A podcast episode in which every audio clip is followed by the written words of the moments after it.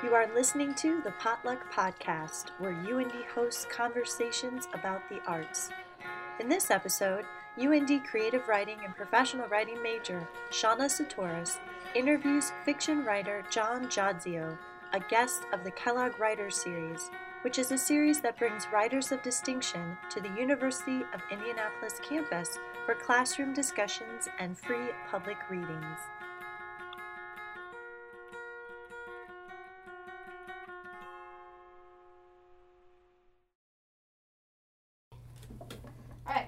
I am joined by fiction author John Jodzio. I'm glad you could be with us today. Thank you. So, what I have for you today is some questions that myself and the fellow um, KWS Kellogg Writer Series team came up with.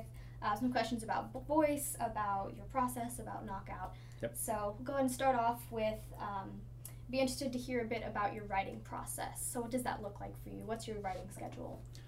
Um, well, it is sort of varied now. Um, I have a day job where I work at the University of Minnesota, and I have a job where I can sort of, you know, set my own schedule and do some of my own things at times whenever I want.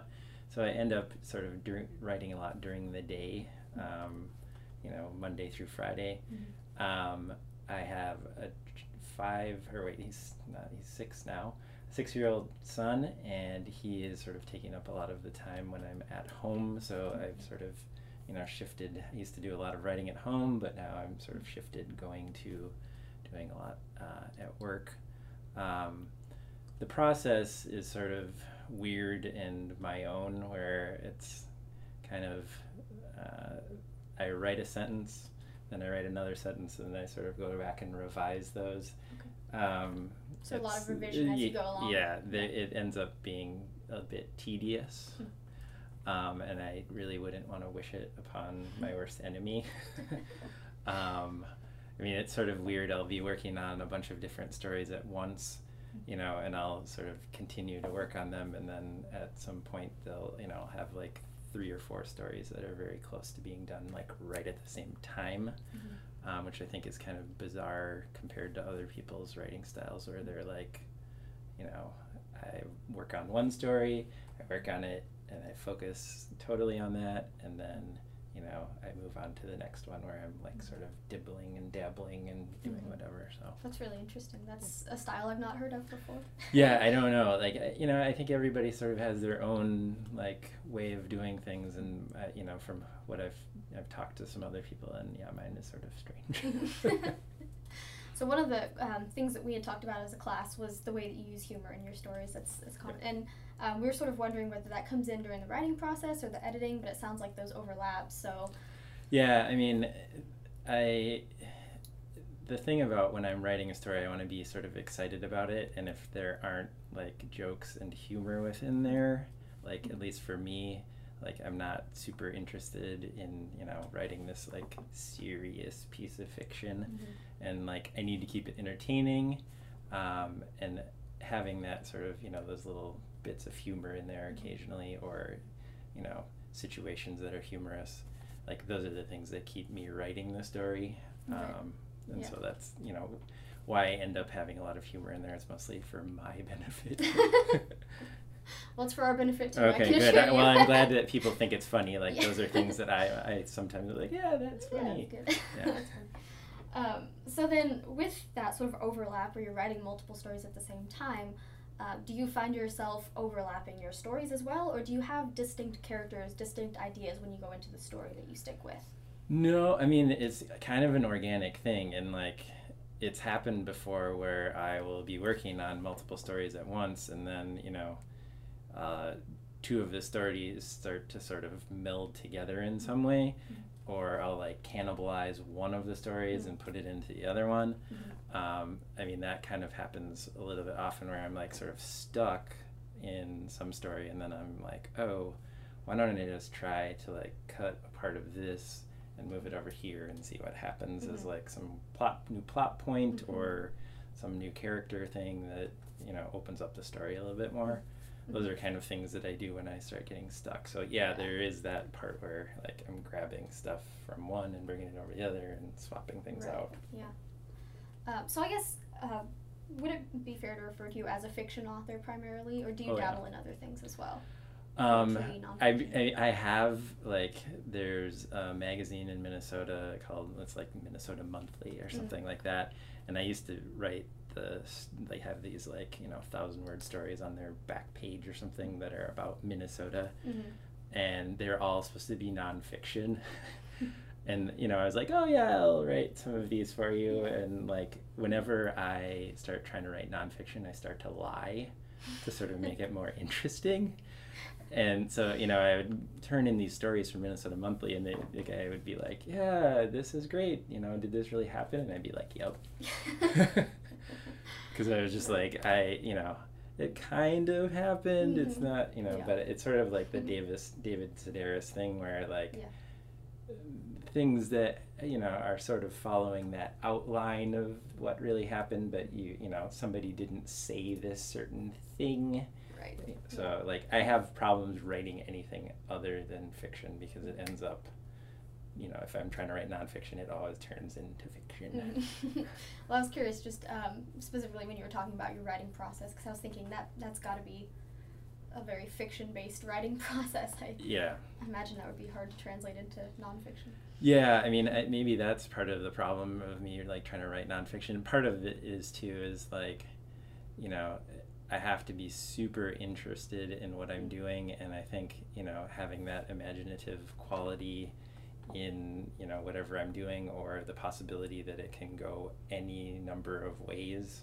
Like you know, in nonfiction, you know, some of the stuff, you know, there are ways to probably make it a little more creative. I'm probably not as talented at doing that, so, um, you know, having that possibility to go any number of ways is sort of what I like.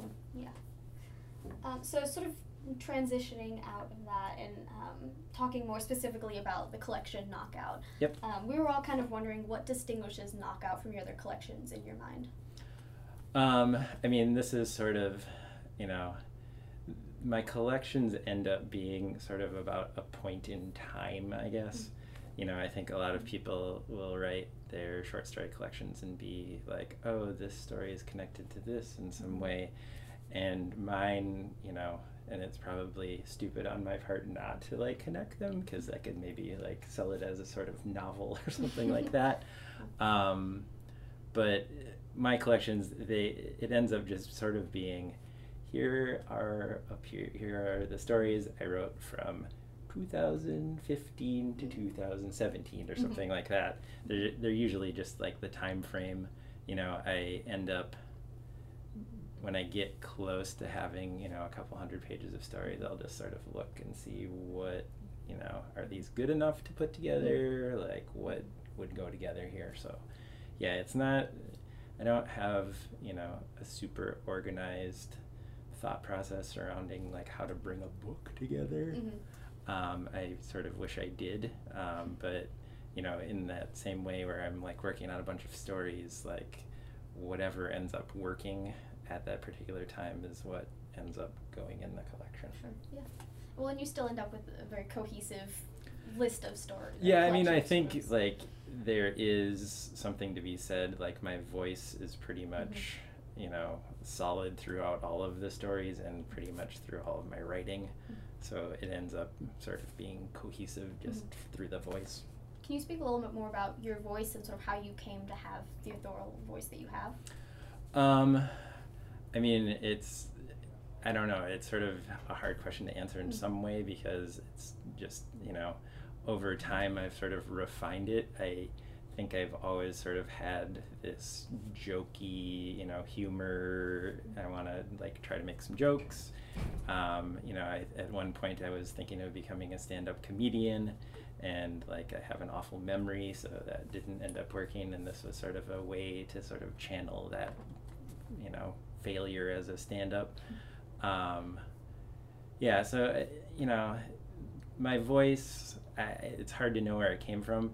I will say that, like, you know, there have been a couple of books that I've read along the way. Like I mentioned David Sedaris before, and like Barrel Fever. You know, I when I read that, I was like, oh, you can be funny, and now I have like sort of the license to do this. Um, and you know, when those stories were, you know, when I read those uh, the first time, I was just like sort of blown away, being, being like, oh, somebody can do this. And the same sort of thing with like Aimee Bender, um, a girl with a flammable skirt, um, and then uh, kind of all the George Saunders books too. Like when I read other writers that were sort of doing this, like my voice was like, oh, I can do this, and they gave me permission to sort of follow along that path. Yeah. So you've mentioned David Sedaris a couple times. I'm Yep. kind of familiar with his work. Um, are there any other authors that are sort of inspirations to you now or in the past when you were writing Knockout or your other collections? Um, I mean, there are sort of like individual stories that like I kind of owe. I feel like to certain people. Like I don't remember.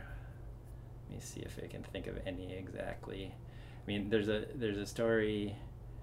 Um, like in Knockout, the you know there's weird things I guess that I sort of pull from everywhere. I, I wouldn't say they're necessarily like authors, but like there are definitely like movies. Um, there's a story called um, Our Mom and Pop or Our Mom and Pop Opium Den. It's the last story in Knockout, and that sort of that story sort of came about because I was watching, you know, when I was about 12, I remember watching this movie called Once Upon a Time in America, where, the, where Robert De Niro was like in a opium den, and I was like way too young to be watching this movie. Um, and it ended up sort of like, I think about that a lot somehow, and it sort of like ended up being born through that story.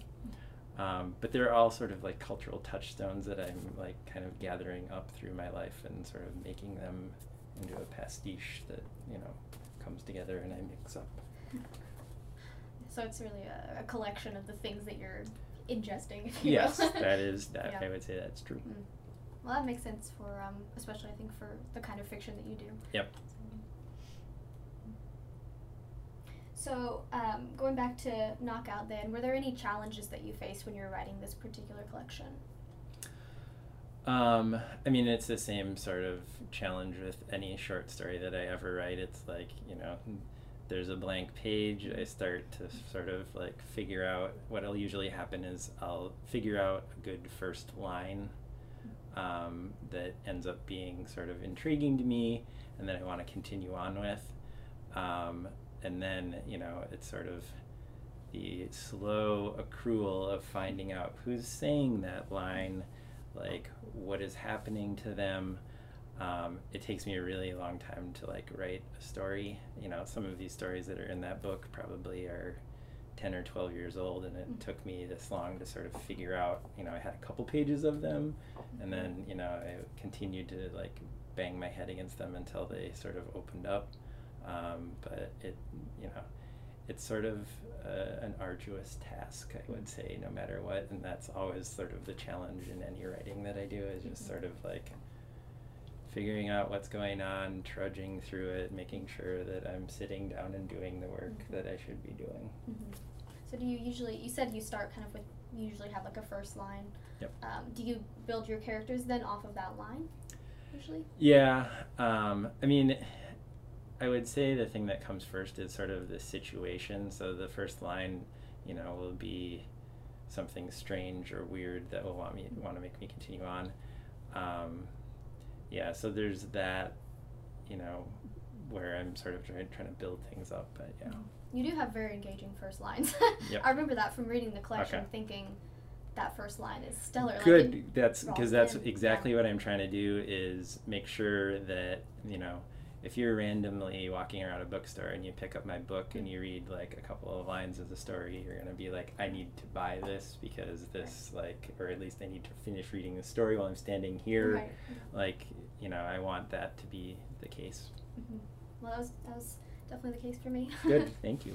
Mhm. All right. So, um, with all that we've talked about, then, what would be your advice to creative writers? Um, I mean, the, thing that has been great for me is basically just, you know, persevering and continuing on. Like, there are a thousand million reasons to quit doing it, but like you know and i probably have thought about those you know over and over in my life but for whatever reason i like feel like this is worthwhile um, and that i want to continue on with it so like i know it sounds like sort of hackneyed but like never giving up. Mhm. like you'll get good at it after a while if you just keep on trying. Like i was not good at this when i started. Like i thought i was good but i was not good. But there is that sort of false confidence that i think you need as well where you know sort of fake it till you make it you know and i'm using all of these cliches here but like some of them sort of are cliched you know they're they're phrases for a reason Mhm. um, and you know those are sort of the you know especially just like persevering and trying to make it through and not worrying about you know what's coming next Mhm. um, just working on the work that's in front of you Um, another question I like to ask authors just for fun um, Have you ever received any writing advice that turned out to be really bad advice? Ooh interesting. Um, let me see. You know I, I think I think there's a lot of stuff that I have not ever listened to, perhaps, but I can't offhand think of what it is. Um, I remember a couple of, you know, when I've been in workshops where there'll be like, you know, this story is too crazy, you know, why don't you like sort of dial things back um, and write something that's a little more accessible or something like that. And while that, you know, may work for other people, like that's not why I write. So like I, I seem to remember a couple of people sort of like trying to push me in a way that maybe I didn't want to go mm-hmm. or shouldn't have ever gone, and mm-hmm. probably if I would have tried to do that, I would have quit. Mm. Um, so yeah, sort of like, you know, ma- sort of trying to stifle my voice in a way that maybe wasn't the best for me. Yeah. Okay. All right. Well, I'm really glad I got to talk to you today. I'll Thank close you. out asking if you have anything in the works right now that we can look forward to. Um, I am working on a novel right now, um, and I'm guessing, you know, it'll it's probably a couple years away because it's still sort of being drafted in, in my weird style of writing where I keep going back and forth. Like it takes a lot longer with a novel. Yeah. All right. Well, thank you so much for joining us. No problem. Thank you.